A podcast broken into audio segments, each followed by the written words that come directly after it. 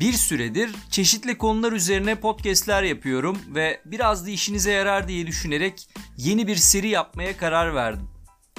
Koşmadan edemeyenlere, sabahın köründe daha hava aydınlanmadan 3 saatlik koşusunu tamamlayanlara Strava kaydı sonraki güne atmasın diye gece yarısı sokaklara çıkıp 19.95 kilometreyi 20'ye otoparkta son bir turla bağlayanlara kucak dolusu selam.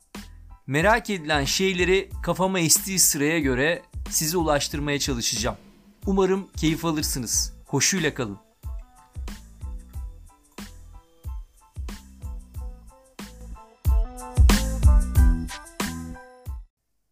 Herkese merhabalar. Burası Açık Koşu. İşe yarar şeyler yeni bölümle karşınızdayım.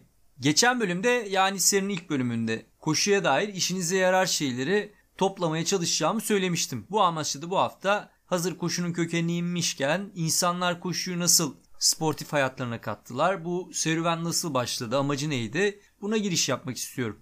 İlk podcast'te anlattığım şey insan türünün milyon yıllık evrimsel yolculuğunda koşuyu bir araç, daha doğrusu hayatta kalmak ve neslini devam ettirebilmek için kullandığı bir silah olarak kullandıydı koşuyu. Keza koşmak zorundaydık da. Kaçmak, kovalamak, kovmak, yakalamak içindi koşu. Ancak zamanla durum değişti ve koşmayı artık başka başka amaçlarla kullanmaya başladık. İşte bu podcast'te bunun izin süreceğiz. Sizlere koşu tarihinden örnekler vererek geçmişte izlediğimiz yolu sunmaya çalışacağım. Koşunun bir spor olarak nasıl icat edildiğini de duymuş olacağız. Atalarımız artık homo sapiens olmuş durumdalar yani türdeşiz. Daha önce koşarak kovaladıkları avlarını ok ve mızraklarla alaşağı ediyorlar. Koşmak eskisi kadar elzem değil, o kadar bağımlı değiller koşmaya anlayacağınız. 10 bin yıl kadar önce de Neolitik devrim ortaya çıkıyor. Tıpkı ateşin kontrol altına alınması gibi insan hayatını tamamen değiştiriyor bu durum. Ve insan toplulukları teker teker tarım toplumlarına dönüşüyor. Yerleşik hayata geçiliyor, kentler, köyler kuruluyor, aile, devlet, din gibi kavramlar ortaya çıkıyor. Hala avcılıkla beslenen insan toplulukları var tabi. Hala var. Ancak onları dikkate almıyorum. E, ihmal edilebilir olarak düşünebiliriz arkadaşlar. Avcılık insanların hayatından çıkınca zaten eskisi kadar kullanılmayan koşu yeteneği bir zorunluluk olmaktan çıkıyor. İnsanlar hiç koşmadan da yaşamayı öğreniyorlar. Aslında geçen podcast'te demiştim, değinmiştim. Koşunun cinsel seçilim noktasında bir araç olarak kullanılma durumu vardı. Hani kadınların avı sürüye getiren erkeği seçmesi durumu. Avlanacak erkeğin de avın peşinden koşması gerektiğine dair. Heh.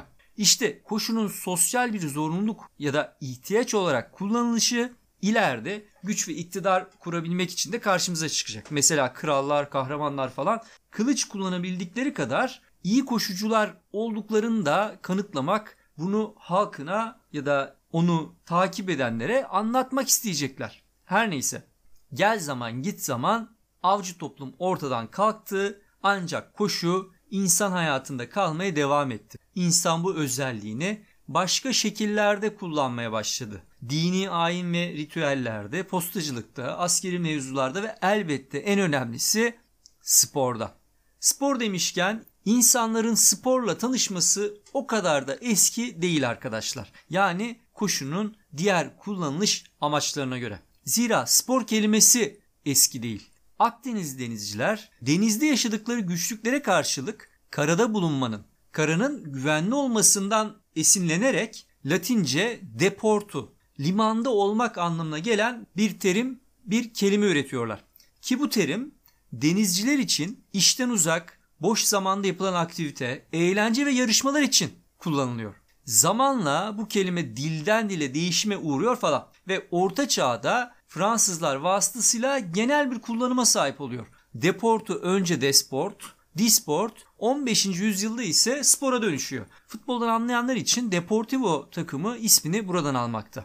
Yani aslında anlatmaya çalıştığım şey şu. Kelimenin çıkışı için yani spor kelimesinin çıkışı için denizciliğin hatta Latince'nin çoktan tarih sahnesine çıkmış olması gerekecek. Ancak bizim koşuyu bir aktivite olarak kullanıyor oluşumuz spor kelimesinin çıkışından çok çok önceye dayanıyor. Öncesinde yani o zamana kadar şimdi spor olarak değerlendirdiğimiz aktivitelerin başka karşılıkları var. Mesela eski Yunan'da atlos diye bir terim var. Ki bu kelimeden türeyen atlet kelimesi yarışmacı demek. E, bu da acı çeken, zahmet çeken anlamına gelen atilos'tan türemiş. Neyse bu gereksiz bilgiden sonra konumuza dönüyorum.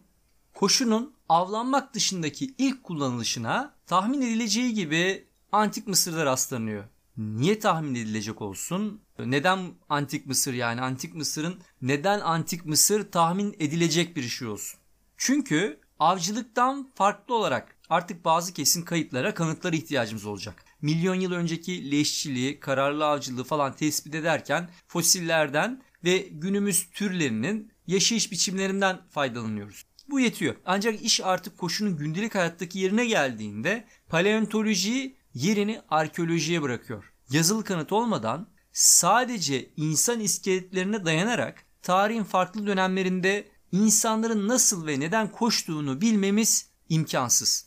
Ve bulunan kanıtların sadece en eski olması yetmiyor. Aynı zamanda korunabilmiş olması da gerekiyor ki Mısır'da bin yıllar boyunca varlığını sürdüren yıkımlara karşı kendini koruyabilmiş bir uygarlık. Bu nedenle koşunun karşımıza ilk Mısır uygarlığında çıkması kaçınılmaz gibi bir şey. Demek istediğim şu aslında koşu Mısır firavunu akıl etti diye kullanılmaya başlanmış değil. Tahminen tarım toplumuna geçilirken, geçildikten sonra ve ilk medeniyetler şehir devletlerini falan kurarken de tıpkı Mısır'da olacağı gibi aynı amaçlarla toplumun kullandığı bir aktiviteydi koşu. İnsanlar dini ritüellerde ya da erkekler kadınları etkilemek için kullanıyorlardı koşu meziyetlerini. Ancak akan zaman o eski tüm geçmişi sildi. Elimizdeki en eski bilgi işte bu Mısır uygarlığından. Söz uçar yazı kalır misali. Bu arada yanlış anlaşılmasın. Atalarımız Neolitik çağın arefesinde ya da başlarında bulunan pek çok kanıta göre mağaralardaki çizimlerden bahsediyorum. Avcılık dışı koşunun izlerini sunmuşlar. Onları es geçiyor, kabul etmiyor değilim. Orada da işte dini ritüellerin ya da benzeri şeylerin çizilmiş örnekleri var. Antik Mısır'da özel bir ritüel vardı. Bu ritüele göre tahta 30 yılı devirmiş olan Firavun hala güçlü olduğunu ve saltanatını devam ettirebilecek kudretli olduğunu ispatlamalıydı. Meydan okuma tek kişilikte ve bir koşuydu bu.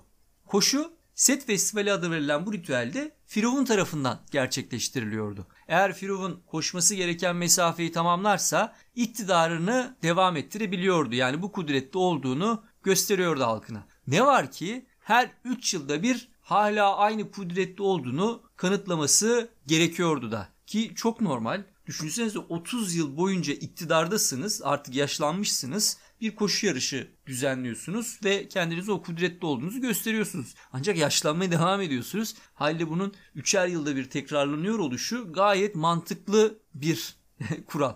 Bu koşu ritüeline ilk olarak milattan önce 3000'li yıllara ait yazıtlarda rastlanıyor, kalıntılarda.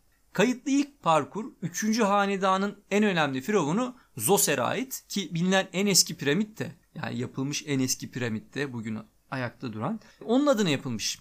Araları 55 metre olan iki büyük taşın etrafında dönülen 4 turdan ibaret olan koşu mesafesi yaklaşık 500 metre. Yani bu koşu parkurundan bahsediyorum. Zoser'in kaç tur ya da kaç metre koştuğunu bilmiyoruz ancak takip eden firavunlar parkurda 4 tur atıyorlarmış. Yani 30 yıllık saltanatını geçmiş olanlardan bahsediyoruz.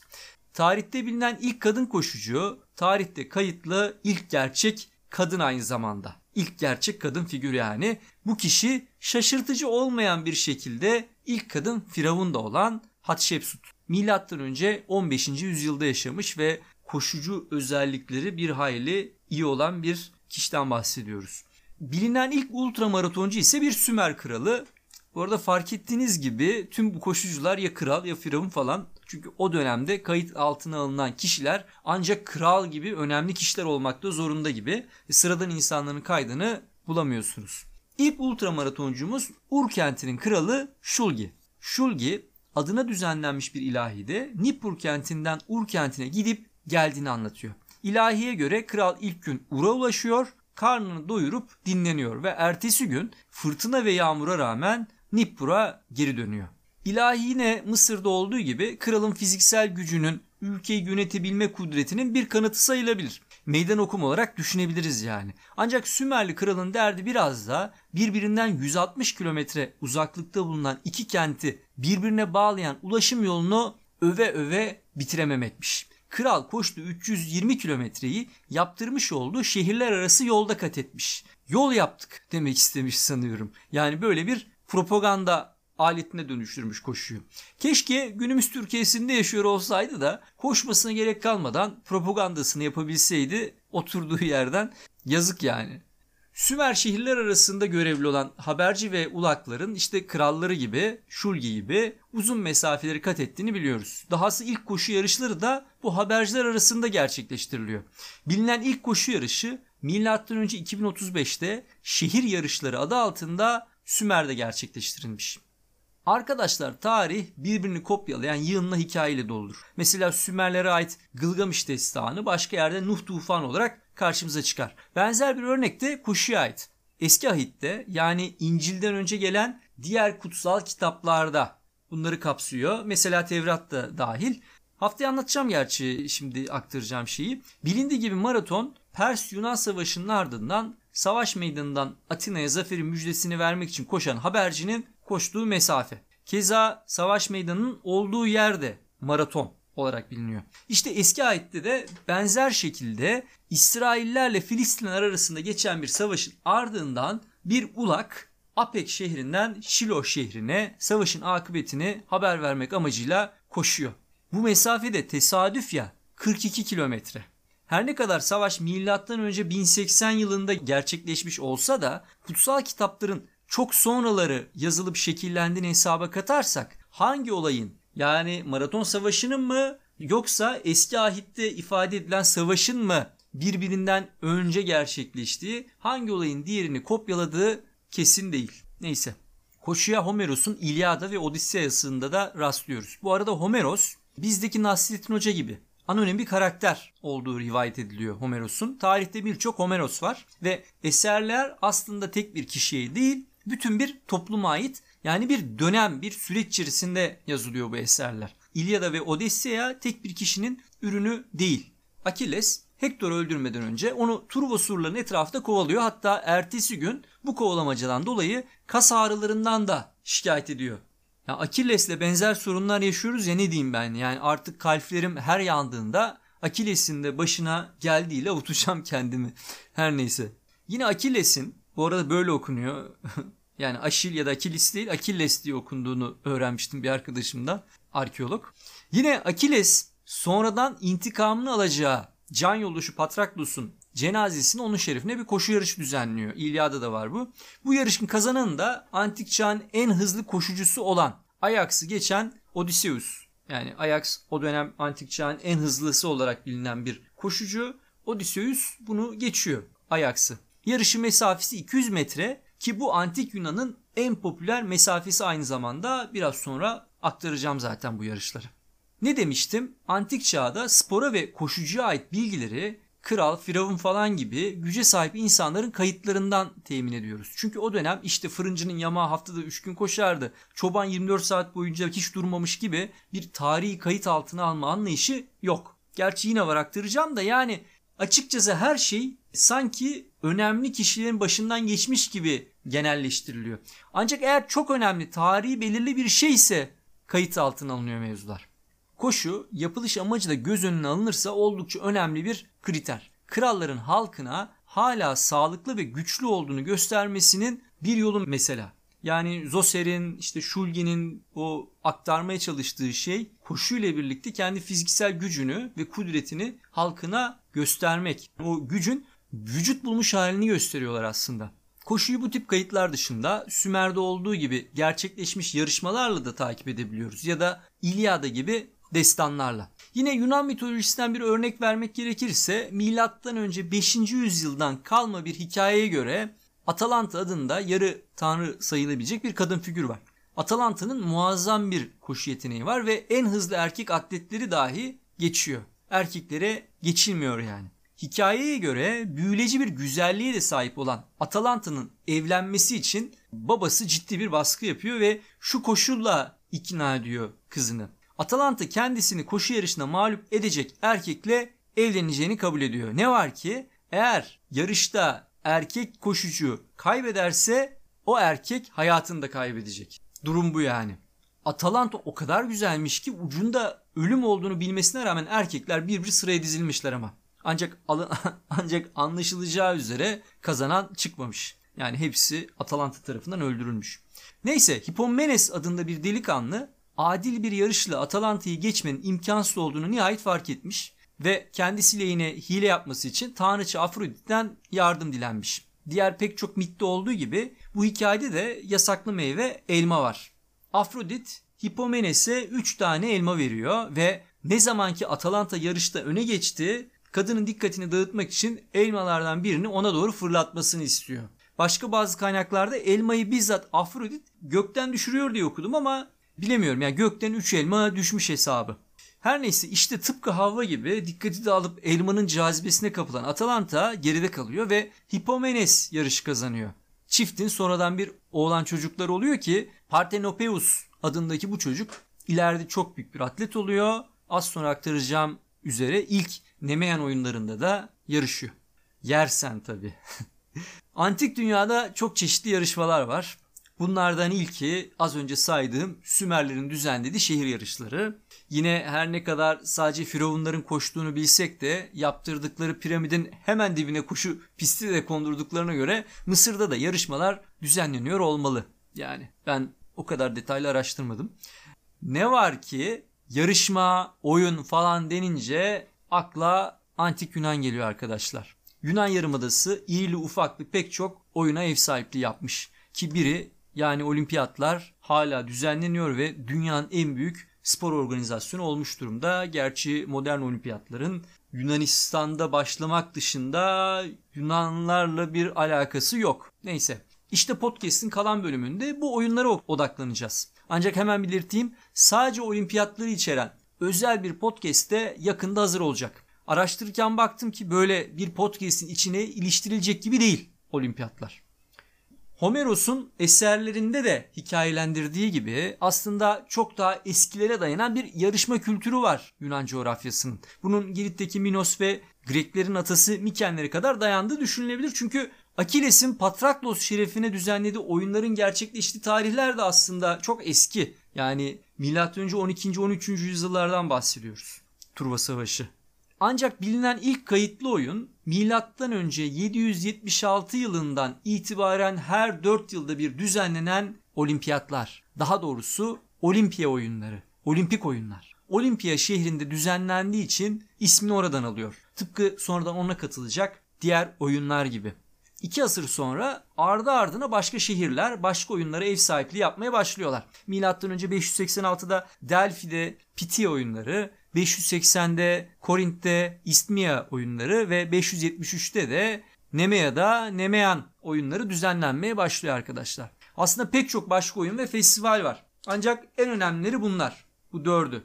Her oyunun kendine özgü kural ve düzenlenme şekli bulunuyor. Ayrıca her biri farklı dönemlerde düzenlendiği için tıpkı bugünkü atletlerin yarış programı gibi o dönemde de atletler yıl yıl ve yıl içinde farklı oyunlara katılıp sürekli bir rekabet ortamı oluşturuyorlar. Mesela bu yıl olimpiyat oyunları düzenlenmiş olsun. Seneye Temmuz Ağustos gibi Nemea oyunları, Nisan gibi de İstmia oyunları düzenlenecek. Bu arada işe yarar bir bilgi vereyim. Eski Yunan'da daha doğrusu Atina takviminde yıl yaz gün dönümünün ardından başlıyordu gün dönümünün ardından kafalar karışmasın diye belirteyim. Uydumuz olan ayın yeni ay evresine geçtiği ilk gün yeni yılın ilk günü oluyordu. Antik Yunan'da güneş ve ay takvimi birlikte hibrit bir şekilde kullanılmış. Haliyle Nisan ayında yapılacak olan oyun Temmuz'dan sonra yapılacak takvime göre. Temmuz-Ağustos ayları da takvimin ilk ayı olan Hekatombayon'a karşılık geliyor. Böyle deyince tuhaf oldu ama işte öyle e, enteresan bir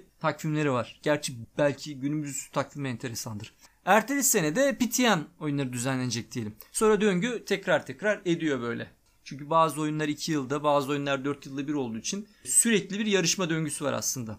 Olimpiyatlara ayrı bir podcast ayıracağım demiştim. Şimdi bu oyunlarda koşunun yeri nedir ve ne tip yarışlar düzenlenmiş onları aktarayım biraz başlamadan bu tip festival ve oyunların antik Yunan'da ne kadar önemli olduğunu dair bir bilgi vereyim. Dediğim gibi yığınla başka organizasyon da var ve tıpkı bugünkü Diamond League gibi bu diğer lokal turnuvalar para, altın, gümüş falan gibi ödüller de veriyor, mükafat veriyorlar. E, bu dört oyun ise dörtlü taç oyunları olarak anılıyorlar. E, Crown Games yani tenisteki Grand Slam'lere benzetebiliriz. Ancak bunlar her yıl değil 4 ya da 2 yılda bir düzenleniyor az önce ifade ettim. Ayrıca diğer turnuvalardan farklı olarak ödül olarak para falan dağıtılmıyor. Her oyunun kendine özgü bir ödülü var ve bu mükafat bir mal mülk değil. Mesela olimpiyatlarda zeytin dallarından yapılmış çelenk veriliyor. Yarışmacılar kazanırlarsa eğer aslında o yarışın itibarından dolayı bu şu anki olimpiyatlarla ilgili yani olimpik madalya kazandığım bir şey sahip oluyorlar. Statüye sahip oluyorlar. Esas mükafatı genelde memleketlerine döndüklerinde memleketindeki varlıklı insanlardan ya da halktan sağlıyorlar. Mesela bir, bir yerde okumuştum. Bunu olimpiyatla ilgili podcast'te de belirteceğim. Kazanan bir atlet 4 yıl boyunca pardon ömrü boyunca ücretsiz yemek yiyebiliyor. Yeme hakkı, gıda hakkı sağlıyor kendisine. Her neyse 1901 yılında sünger avcıları Romalılara ait bir ticaret gemisi batığı bulmuşlar. Batıktan pek çok şey haricinde bir de antik bir mekanizma çıkarılıyor. Düzeneyinde ay ve güneş hareketleri, güneş tutulma tarihlerini falan da oldu. 19 yıllık bir zaman dilimini içeren bir takvim aslında bu. Bir düzenek. Takvim düzeneği. İlkel bir bilgisayar yani. Arşimet'in vaktiyle tasarladığı aletleri de benzerliği varmış e, bu arada bunun. Neyse sonradan yapılan analizlerle anlaşılıyor ki bu takvimde bu dörtlü taş turnuvaları da işaretli bir şekilde 19 yıl içerisinde her bir turnuvanın tarihi gösteriliyor. Diğer büyük olaylarla birlikte bu milattan önce 100 yılına tarihlenmiş bu arada çıkarılan batıktaki e, bu düzenek. Bu da eski devirlerde Yunan halkının ne büyük bir ilgi gösterdiğine kanıt aslında oyunları. Çünkü bu oyunları böyle bir takvime yerleştirecek kadar önem atfediyorlar onlara.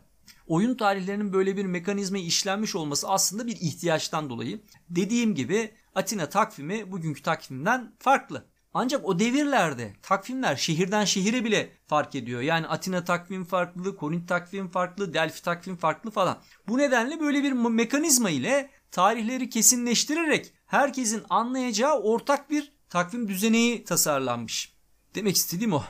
Turnuvalar en azından olimpik oyunlar stadyon denilen bir parkurda düzenleniyordu. 230 metre uzunluğunda 30 metre genişliğindeki bu pist 20 atletin aynı anda koşmasına imkan tanıyacak kadar genişti.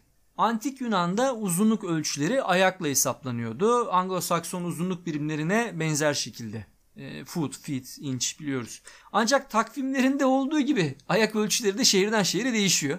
Örneğin olimpik oyunlarda koşulan mesafe ile diğer yarışlarınki farklı olabiliyordu. Yarışılan müsabaka ismi aynı olsa dahi. Hani İda Ultra'ya gidersiniz 36K koşacağım diye bir bakarsınız 35 koşmuşsunuz ya da Kapadokya'ya gidersiniz 36 koşacağım diye 38 koşarsınız ya. Ya ona benzemese de anlayın işte öyle. Olimpiyalar Herakles'in ayak ölçüsünü referans almış ki adamın ayağı 32 santimmiş büyük yani. Bir diğer şehir mesela 29 santimlik bir tanrı ayağı kullanmış olabiliyor bilemiyoruz. Stadion ya da stade sadece yarışın düzenlendiği parkura değil aynı zamanda koşulan yarışa da ismini vermekteydi. Bu arada stadion Latince stadyum olarak geçti ee, yani. Her ne kadar modern atletizm parkurları ismini stadyondan alsa da stadyumdan yani mesafesini Anglo-Sakson ölçü birimi olan furlong'dan, furlong'dan almakta. Bir furlong yaklaşık 200 metre olup 1 milin 8'de birine eşit. O da 201 metre falan gibi bir şey oluyor. İşte 200 metre 201 metre böyle ortak bir şey bulmuşlar. Bilindiği gibi kapalı pistler 200 açık pistler 400 metre uzunluğa sahiptir. Sanıyorum anlaşılmıştır diye düşünüyorum. Bütün dünyada genel evrensel bir atletizm pisti oluştururken böyle bir uzunluğa karar verilmiş. Olimpiyadaki oyunlarda kullanılan parkur ya da koşu platformu 600 ayak uzunluğunda. 600 Herakles ayağı. 32 santimlik Herakles ayağı. Bu da 192 metreye karşılık geliyor. Bu mesafeyi 200 metre yarışı olarak da düşünebilirsiniz. Sadece 8 metre fark var olimpiyadaki stadyon yarışının. Gerçi modern 200 metre koşuları kavisli bir parkurda yapılmaktadır. Usain Bolt'un 200 metre yarışlarından aşinasınızdır. Ancak olimpiyadaki pist düz. Yani 230 metrelik bir platform var. Oradaki 192 metre dümdüz. Başlıyorsunuz ve ileride bitiriyorsunuz. Döneme çok yani. Modern parkurda genelde 8 atlet, 8 kulvar aynı anda koşabilirken olimpiyada 20 atlet koşabiliyordu. Az önce de ifade etmiştim yaklaşık 30 metre bir genişliğe sahip platform. Atletlerin koştuğu platform üstü ince bir kum tabakasıyla kaplı kil bir zemindi ve kenarlardan hafifçe yükseltilmişti. Böylece izleyicilere kolaylık sağlanıyordu. Atletleri izlemeye gelenlerin oturabilecekleri bir tribün de vardı. Ne var ki olimpik oyunlar ayakta izlenmekteydi. Çünkü en popüler zamanında 40 bin kişinin izlediği rivayet edilen bir oyundan bahsediyoruz. Borussia Dortmund'un Olimpiyalıları örnek almış olması muhtemel. Onlar da çünkü tribünlerindeki koltukları sökerek daha fazla kişinin maçları izlemesini sağladılar. İşte böyle bir kalabalık konforlu bir alanda zapt edebilmek gerçekçi olmazdı. O yüzden Olimpiyada yarışlar ayakta izleniyordu.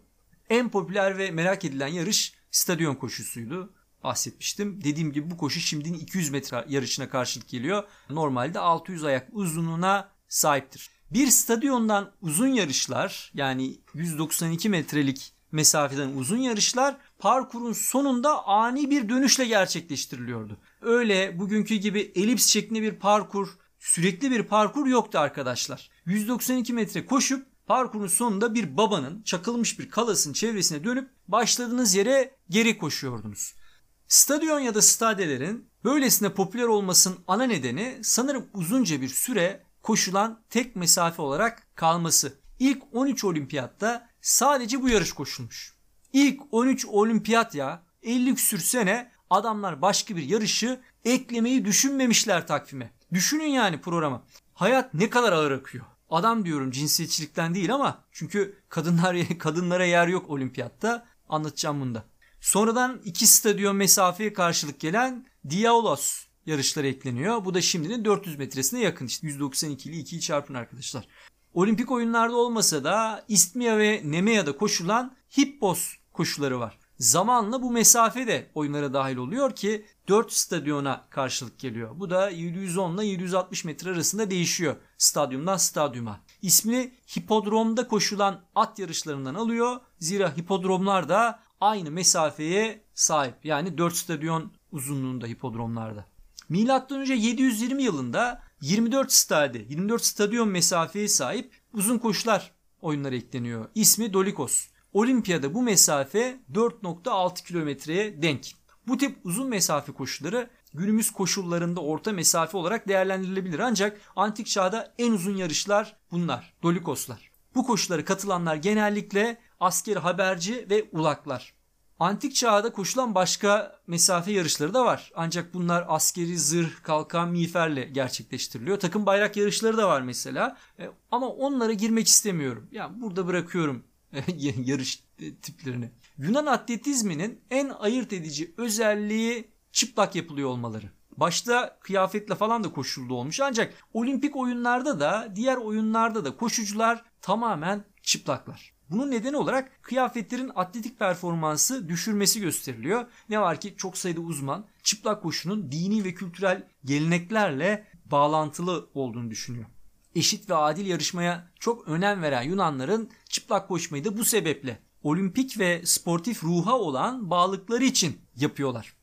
Ha bu arada bugün kullanıldığı şekilde jimnastik sadece aletli ve aletsiz şekilde salonda yapılan beden hareketlerini kapsamıyordu eskiden. Hatta yani bir disiplin olarak jimnastik hareketleri ayrışmadan önce bütün sportif idman ve egzersizler jimnastik kapsamındaydı. Kelime olarak Beşiktaş Jimnastik Kulübü mesela. Oradaki jimnastik kulplu beygiri, asimetrik paraleli falan çağrıştırmasın arkadaşlar size. İdman demek o. Beşiktaş İdman Kulübü gibi. İşte bu jimnastik kelimesi kökenini Yunanca jimnos'tan alıyor. Cimnos çıplak demek ve gimnaso da kelimenin fiil hali olup çıplak yapılan anlamında. Antik Yunan'da bütün müsabakalar çıplak gerçekleştiği için kelime aynı zamanda antrenman yapmak, egzersiz yapmak anlamında da kullanılmış. Stadyumda düzenlenen koşular haricinde daha uzun koşular da mevcut. Kayıt altına alınmış pek çok zaferden bu bilgilere ulaşıyoruz. Lastenes adında bir atlet Koroneus'tan Tebes'e 32 kilometrelik mesafeyi bir atla yarışıp onu geçerek tamamlamış mesela. Bu kayıtlı. Ageus adında bir atlet de bu Ege oluyor sanıyorum. Ya meşhur bir yarı tanrının Perseus muydu? Onun çocuğu da olabilir bu ya da Odysseus'un da olabilir. E, yani onun da adı Ageus'tu. Ya da babası mı Ageus'tu? Neyse. Ageus adındaki bir atlet de olimpiyatta 4.6 kilometrelik Dolikos koşusunu kazandıktan sonra zaferi memleketine duyurmak için 97 kilometrelik mesafeyi hem de aynı gün koşarak kat etmiş. Yine Dirmos adında bir başka kazanan bir başka yılda bir başka olimpiyatta benzer şekilde aynı gün 130 kilometre koşmuş ve, ve evine ulaşmış. Büyük İskender'in ulaklarından biri olan Spartalı bir asker bir tam günde 238 kilometre koşmuş. Kilian Jorne'nin geçen aylarda 24 saat denemesi vardı. E, takip edenler olmuştur, hatırlayanlarınız vardır. İşte mesela bu 24 saat rekoru Spartalı askerin torunlarından olan Horus'un elinde bugün. Kim bilir belki antik çağda 300 kilometreden fazla koşan bile olmuştur. Bilemiyoruz. 238 kilometre gerçekten çok iddialı yani. En büyük olimpik atlet olan Rodoslu Leonidas, bin yıllık tarihi sahip antik olimpik oyunlarda 3 farklı mesafede stadion, dialos ve zırhlı koşuda 4 olimpiyat ardı ardına zafere ulaşan tek atlet. Yakın zamanda emekli ayrılan Usain Bolt 3 olimpiyatta toplam 9 altın kazanmıştı hatırlarsanız. Gerçi bayrak yarışında kazandığı bir altın takım arkadaşının sonradan ortaya çıkan dopingi sonucu elinden alındı ama sanırım Leonidas'ın neyi başardığı idrak edilebilmiştir. Yunan coğrafyası dışında da çok sayıda koşu organizasyonuna rastlıyoruz. Özellikle de Küçük Asya'da yani Anadolu'da ve Mısır'da. İlginç bir şekilde olimpik oyun tarihinde zaman geçtikçe özellikle son 3-4 asırlık döneminde Anadolu ve Mısır'dan katılan atletlerin yarışmalara hakim olduğu görülüyor. Kazananların giderek daha yüksek oranda Anadolu ve Mısır'dan katıldığını tespit ediyoruz. Bu da bu coğrafyalarda spora olan ilginin fazla olduğu ve giderek yerleştiği anlamına da gelmekte. Keşfedilen bir kayda göre M.Ö. 685'te Antik Mısır'ın önemli ulaşım yolu Daşkur'da dönemin kralı Taharta'nın düzenlediği bir koşu yarışı var. Bu arada kral diyor yani firavun demedi. Belki Taharta Mısır firavunu değil de e, ne bileyim belki Etiyopya tarafındadır. Bilemiyorum yani. Dönemin kralı Taharta'nın düzenlediği bir koşu yarışı var. Kral koşuculara at arabasıyla eşlik etmiş. Hatta bir saat boyunca da birlikte koşmuş. Yarış bir ultramaraton aslında. Başkent Memphis'ten, ha Firavun sanıyorum, çölü aşarak Fayum'a gidilip geri dönülecek şekilde. İki şehir arası 50 kilometre. Bu da 100 kilometrelik bir yarıştan bahsediyoruz demek. Çöl sıcağından etkilenmemek için de gidiş gece başlıyor önceki gün. Benzer şekilde ülkemizde koşulan Tuz Gölü Ultra var mesela o da akşam başlıyor.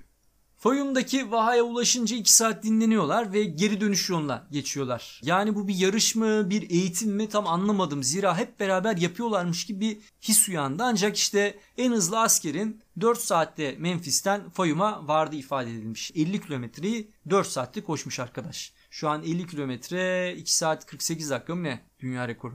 Çin'de mesela prens ve dükler atlı arabalarla yolculuk ederlerken korumaları peşlerinden koşarak eşlik ediyorlarmış onlara. Böyle silahla falan yani adam atlı arabayla gidiyor prens koruması peşinden koşuyor. Diğer toplumlarda olduğu gibi askeri harekat ve seferler eski dönemlerde çoğunlukla yayan gerçekleştirildiği için günlük 50 kilometrelik yürüyüş ve koşular oldukça yaygın. Zamanında sadece Çin'de değil tabi dünyanın pek çok yerinde askerlerin birer ultramaratoncu olarak yaşadığını söyleyebiliriz. Bu nedenle Filippides'in iki günde Atina'dan Sparta'ya gidip gelmesi çok da hayal ürünü gibi gelmiyor bana. Filipides demişken bir sonraki podcast'i maratona ayıracağım. Bu bölümde özellikle hiç açmadım maratonu. Maratonu uzun uzadıya aktarmaya çalışacağım orada. Hindistan'da insanlar ve filler arasında koşu yarışları oldukça popülermiş eskiden. Yarışlarda insanlar fillerin önünde pozisyon alıyorlarmış. Gözleri bağlı halde starta getirilen fillerin bağı çözüldüğünde yarış başlarmış. Önlerinde koşan bir insanı gören fil haliyle öfkeyle kovalarmış onu. Her ne kadar son hız açısından file göre biraz daha yüksek olsa da insanların bu acayip bir risk yani fil tarafından eziliyor olma ihtimali var. Benzer yarışlar bildiğiniz gibi Bask ülkesinde de yapılıyor İspanya'da. Tabi orada kızışmış boğalar, kızgın boğalar kullanılıyor. E, Hemingway, Ernest Hemingway Güneşte Doğar'da muazzam tasvir ediyor bu yarışları. Okumanızı da tavsiye ediyorum o kitabı. Hindistan'da uzun mesafe postacılığı da oldukça yaygınmış. Kurye olarak çalışan insanlar koşarak haberleşmeyi sağlıyorlar. Hatta güzergah üzerinde postacının dinlenebilmesi için kulübeler bile varmış. Antik Yunan'da benzer şekilde postacılık yapan insanlara Hemerot Romos adı veriliyor. Böyle bir kelimeleri var. Profesyonel koşan postacı olarak çalışan bu kişiler bütün gün koşan insanlar olarak biliniyorlarmış. Bu tuhaf kelime kurye anlamına geliyor bu arada. Antik dünyada uzun süre devam ettirilmiş bir diğer festival ise İrlanda'dan.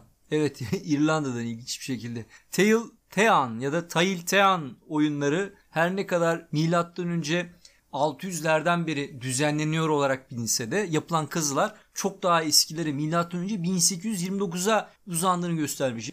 1829 o tarihlerde İrlanda'da gelişmiş bir uygarlığın olduğu kulağa tuhaf geliyor yani. Zira aynı devirlerde Ege ve Doğu Akdeniz haricinde yazı ve metal çağlarıyla tanışan uygarlık yok batıda. Ki olsaydı medeniyet o kadar geç ulaşmazdı değil mi? Yani yanlış mı düşünüyorum bilmiyorum yani İrlanda'ya sonuçta antik Yunan, antik Roma falan ya da İbraniler falan diyoruz da hiç Fenikeliler yani İrlandalıları bilemiyorum yani.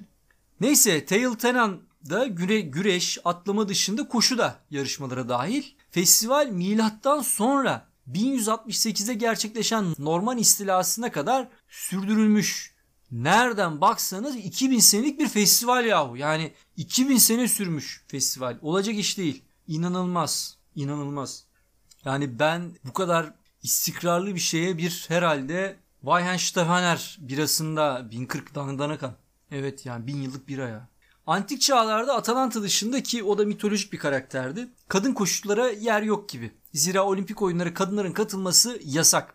Dahası sonradan değişmiş olsa da kadınların yarışma esnasında yakalanmaları durumunda en yakın uçurumdan aşağı atıldığı rivayet ediliyor. Bu katı gelenekten dolayı kadınlar kendi oyunlarını icat etmişler. Uçurumdan aşağı atılmamak adına kendi oyunlarını icat etmişler ve Heraira Festivali bu ismi bu. Adı üstünde Zeus'un eşi Hera şerefine düzenleniyor. Olimpik oyunlardan bir ay önce ve benzer şekilde her 4 yılda bir yapılıyor bu oyun. Ki Olimpiya şehri ev sahibi oluyor ona. Yani Olimpiyada olimpik oyunlardan bir ay önce de sadece kadınların dahil olduğu Heraira Festivali var. 3 farklı yaş grubunda koşulan stadyon yarışları yapılıyor bu festivalde. Erkeklerine kıyasla 4 bölü 5 oranında daha kısa bu mesafe. Sanıyorum bence yani 4 bölü 6 bölü 5 oranında pardon 6, 6 bölü 5 oranında kısa olması e, sanıyorum kadınların da ayak ölçüsünü kadın ayak ölçüsüne göre almaları. Yani çok net bence bundan kaynaklı. 600 ayaktır bence bu da. E, ne bileyim Herakles'in ayağını değil de işte Hera'nın ayağını e, referans alıyorlardır. Atletler çıplak ya da kısa etekler giyiyorlardı kadınlar ve tek memeleri açık şekilde koşuyorlardı ki bu da kadın olduklarını göstermeleri, ispat etmeleri için sanıyorum böyle bir uygulama. Sanırım değil böyle bir uygulama var. Ayrıca sadece henüz evlenmemiş kadınlar yarışabiliyormuş bu yarışlarda. Atina ve diğer şehirlerin aksine Sparta'da kadınlar da erkeklerle birlikte koşup antrenman yapabiliyorlarmış. Hatta ev sahibi oldukları Artemis Festivali'ne kadınlar da katılabiliyormuş. Günümüzde insanlar daha sağlıklı bir yaşam ve kilo vermek amacıyla koşmaya başlıyorlar. 2017'de yapılan bir araştırmaya göre yaklaşık %55'i eğlenceli buldu. %62'si ise stresi azaltmaya yardımcı olduğu için koşmaya devam ediyormuş. Sağlıklı bir yaşam ve kilo vermek amacıyla başlanan koşu sonrasında bu oranlar üzerinden devam ettiriliyor. Açıkçası koşu aklımıza gelmedikçe hiç ihtiyacımız olmayan, o olmasa da yaşamı sürdürebileceğimiz bir faaliyet. Yani vapura yetişmeniz gerekmeyecekse, köpek sizi kovalamayacaksa hiç koşmayı da bilirsiniz. Hayat koşusuz da mümkün. Ancak ilk podcast'te ısrarla anlatmaya çalıştığım gibi insan türü koşmak için doğmuştur. Koşma yeteneği sayesinde uzun yıllar milyon milyon yıldan bahsediyorum. Evrimleşip türleşmiş, besin piramidinin en üstüne çıkmaya başarmış, hatta gezegeni hükmederek toplumsal bir varlık olmuştur. Bu bölümde koşmadan yaşayabilecek koşullara sahip akranlarımızın aksine koşmadan yaşayamayan dedelerimizi, ninelerimizi aktarmaya çalıştım. Zira eski devirlerde bir yerden bir yere gidebilmek için eğer binek bir hayvanınız yoksa koşmak durumundaydınız. Çoğunun kaderi askerlikte birleşen erkeklerin. Çünkü eski devirlerde erkek demek asker demek gibi durum da var. Çıkılan seferlerde de koşmaları gerekecekti. Yani erkek nüfusun büyük bir çoğunluğu zaten hayatlarının bir döneminde koşuyordu. Askerlik de sanıyorum 5 ay değildi yani o zaman.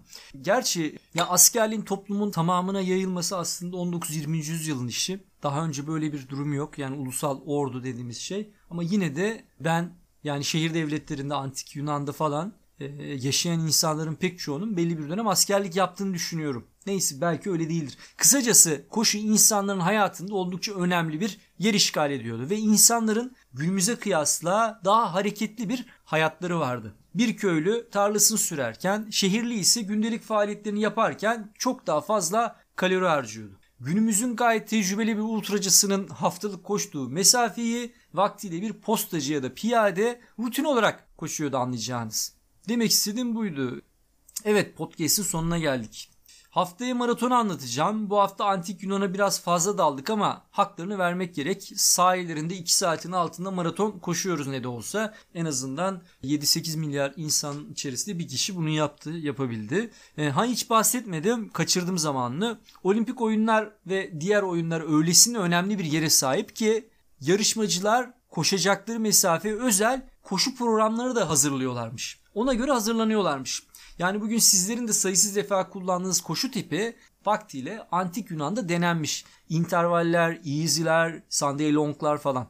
E, her bir olimpik koşucunun kendi antrenörü de oluyormuş. Bunlara gimnastes adı veriliyor. Gimnos'tan hatırlarsınız diye düşünüyorum. Milattan önce 146 yılına ait gün gün koşucuların hangi tip koşuları yaptığının yazılı bir program bile mevcut kayıtlarda. Tetrats adı verilen bu program modern antrenman programlarının ilki olan Captain Berkeley'nin ee, hazırlamış olduğu programlardan 2000 yıl kadar eski bu arada. Sistematik şekilde spesifik koşu antrenmanlarının yapıldığına işaret ediyor tüm bunlar.